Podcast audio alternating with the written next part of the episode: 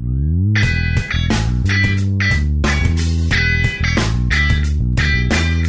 Re, apa kabar? Berharap semuanya baik-baik aja. Selamat datang di podcast Bangga Surabaya.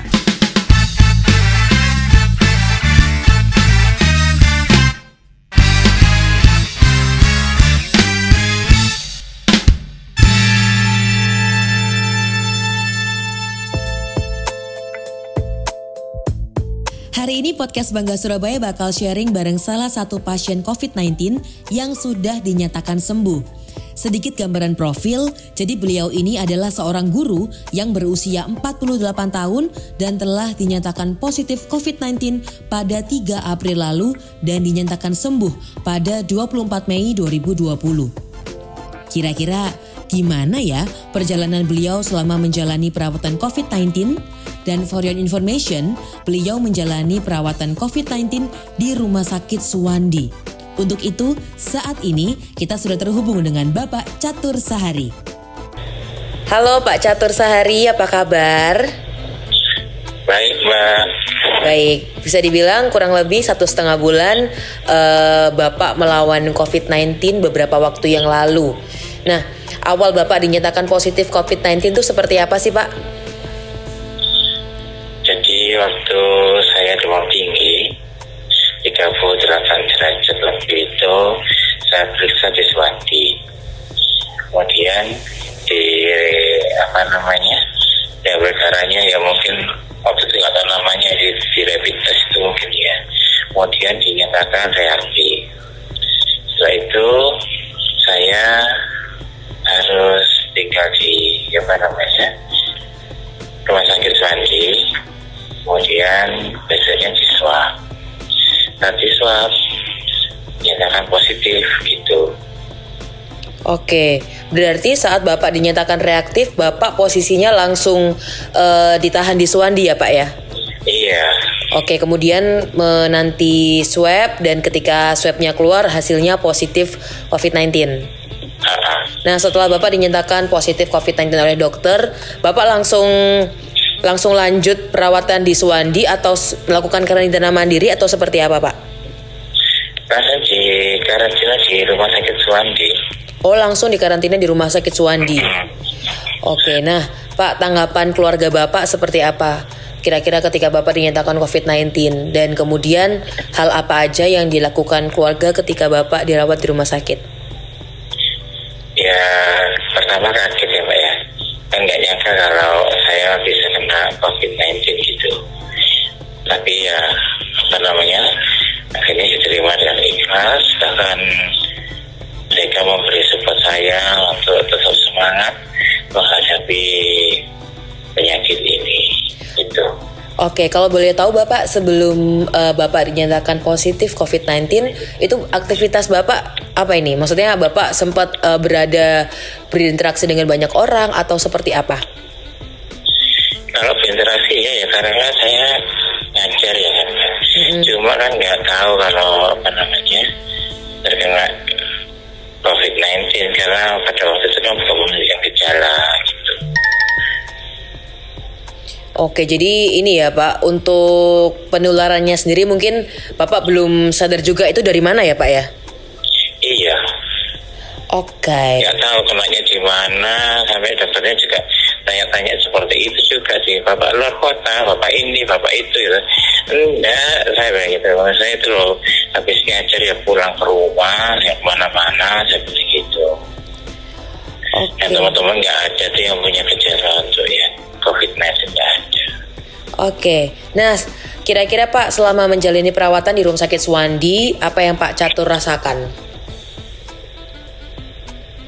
ya begitu apa demam saya kan tinggi ya langsung diinfus itu.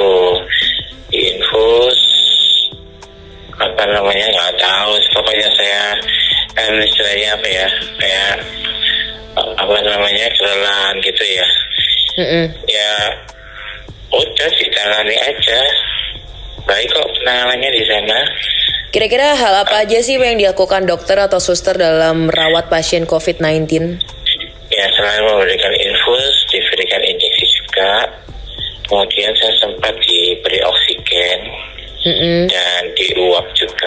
Diuap juga. Nah Pak, boleh diceritakan sedikit nggak Pak eh, gambaran ketika menjalani perawatan COVID-19 di ruang isolasi itu seperti apa sih? Ya pada waktu itu kan satu kamar isinya dua orang. Mm-mm. Cuma pada waktu itu saya sendirian gitu. Oke. BB sampai kira-kira 10 hari mungkin baru ada pasien yang lain gitu di sebelah saya. Oke, dan keseharian ketika dalam melakukan perawatan eh, untuk merawat pasien COVID-19, hal apa tuh Pak? Apa setiap pagi diambil darah atau kayak gimana? Kalau diambil darahnya itu berapa hari sekali ya lupa saya. Cuma ini ra- rutin untuk ini mengukur suhu, Mm-mm. kemudian tensi, Tensi. kemudian ini apa namanya yang ditaruh di jari untuk mengukur apakah saya ini kekurangan oksigen apa tidak, sesak napas apa tidak gitu. Oh oke. Kalau untuk asupannya sendiri Pak, kira-kira hal apa aja yang diberikan oleh rumah sakit dalam merawat pasien COVID-19? Ya selain makan sehari tiga kali ya, jika diberikan obat, juga tiga kali sehari gitu. Cuma bervariasi.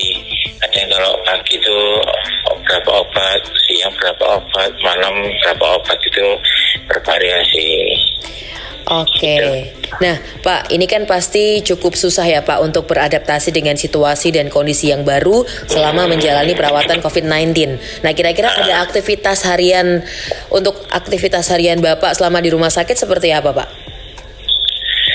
Ya karena nggak ada kegiatan apa-apa dan nggak boleh keluar ke mana-mana. Ya saya pakai untuk baca Quran, kemudian cari-cari informasi di apa namanya internet gitu ya via eh, Android gitu tentang COVID-19 itu gimana gitu. Oh, berarti kalau bawa handphone ke dalam kamar boleh, Pak ya? Boleh. Kan kalau nggak ada ngapain gitu. Iya iya.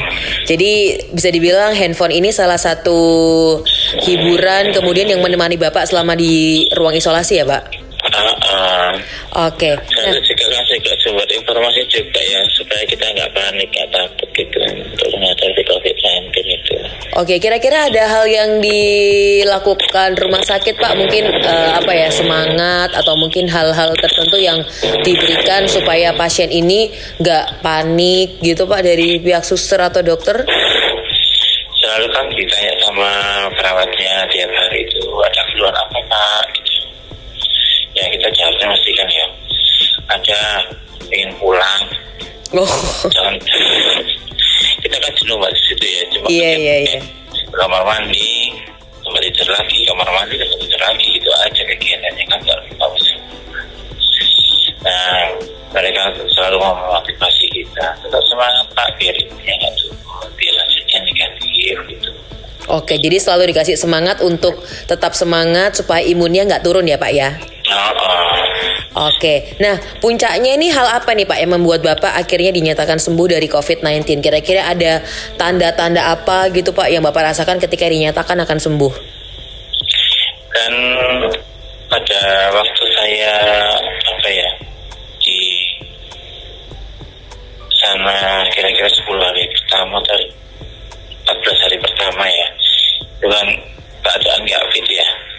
Nah setelah itu membaik membaik gitu sampai keadaannya eh, sudah sehat kembali gitu. Tapi cuma masih ada batuknya walaupun sedikit.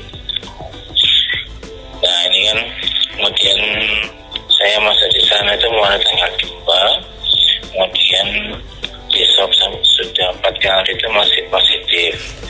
Kemudian pada tanggal 30 meskipun masih positif saya diminta untuk isolasi mandiri di rumah.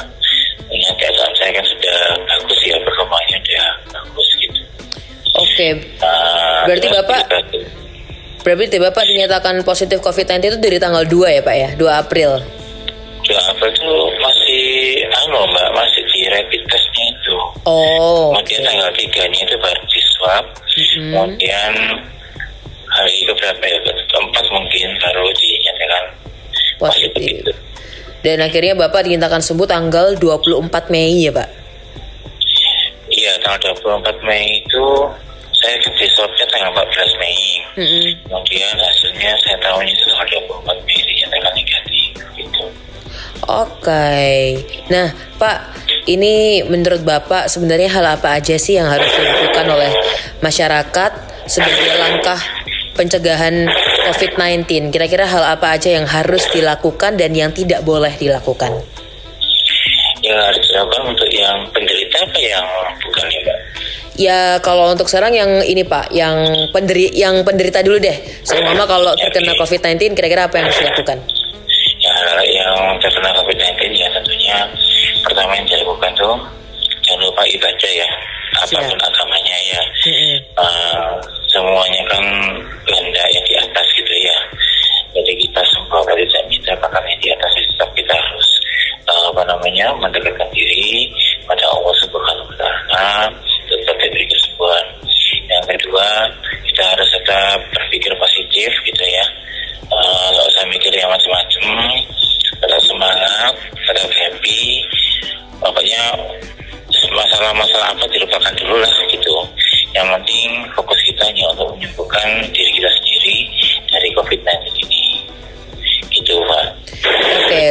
untuk pesan yang harus dilakukan oleh teman-teman yang tidak terkena COVID-19, Pak, kira-kira hal pencegahan apa yang harus dilakukan?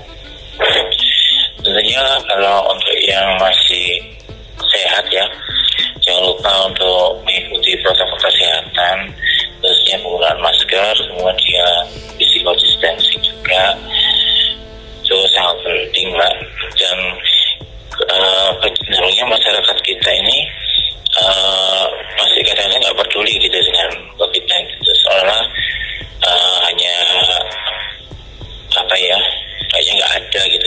mm-hmm. karena mereka belum pernah merasakan ya bagaimana menderitanya untuk sakit ini gitu penderitaannya kan tidak hanya secara apa namanya uh, kesehatan mbak ya tapi secara uh, psikis juga karena kita yang penderita itu tentunya kan hampir semua orang yang dekat kita kan takut sama kita mm-hmm. tetangga kita saudara kita kan takut dengan kita teman-teman kita itu uh, sedangkan kalau kita yang sendiri yang menderita yang merasakan kayak seperti saya sekarang ini selama tiga karantina mandiri di rumah pun tuh nggak boleh dengan anak-anak nggak boleh dengan istri gitu. Itu merupakan pengilaan yang ya Allah yang luar biasa sekali. Tentunya membutuhkan kesabaran dari diri kita sendiri. Oleh karena itu pesan saya bagi masyarakat yang masih belum pernah uh, COVID-19 dan jangan sampai lah mereka kena, tolonglah di benar-benar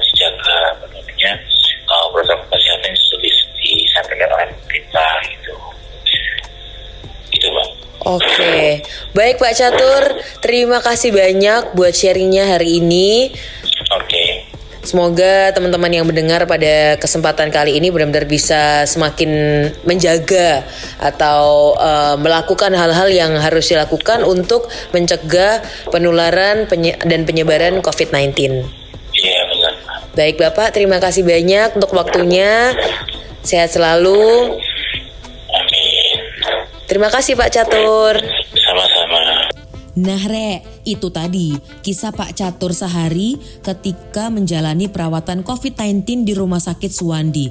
Dan yang perlu diperhatikan, jadi kalau ada saudara kamu, teman kamu, atau mungkin kerabat kamu yang terkena positif COVID-19, benar-benar harus kita support, kemudian kita kasih semangat karena hal-hal kecil inilah yang bisa meningkatkan imunitas dalam tubuh mereka. Dan buat yang lain, tetap ya Rek, untuk menjalankan protokol kesehatan dan pastinya selalu menjaga pola hidup bersih. Berharap sharing kali ini benar-benar bisa memotivasi kamu untuk tetap melakukan pola hidup bersih dan menjalankan protokol kesehatan yang ada. Mulai dari menggunakan masker, rajin mencuci tangan, kemudian menghindari kerumunan orang banyak. So stay safe, keep hygiene, dan pastinya keep smiling. Thank you so much buat yang sudah join kali ini. Sampai jumpa di podcast Bangga Surabaya berikutnya.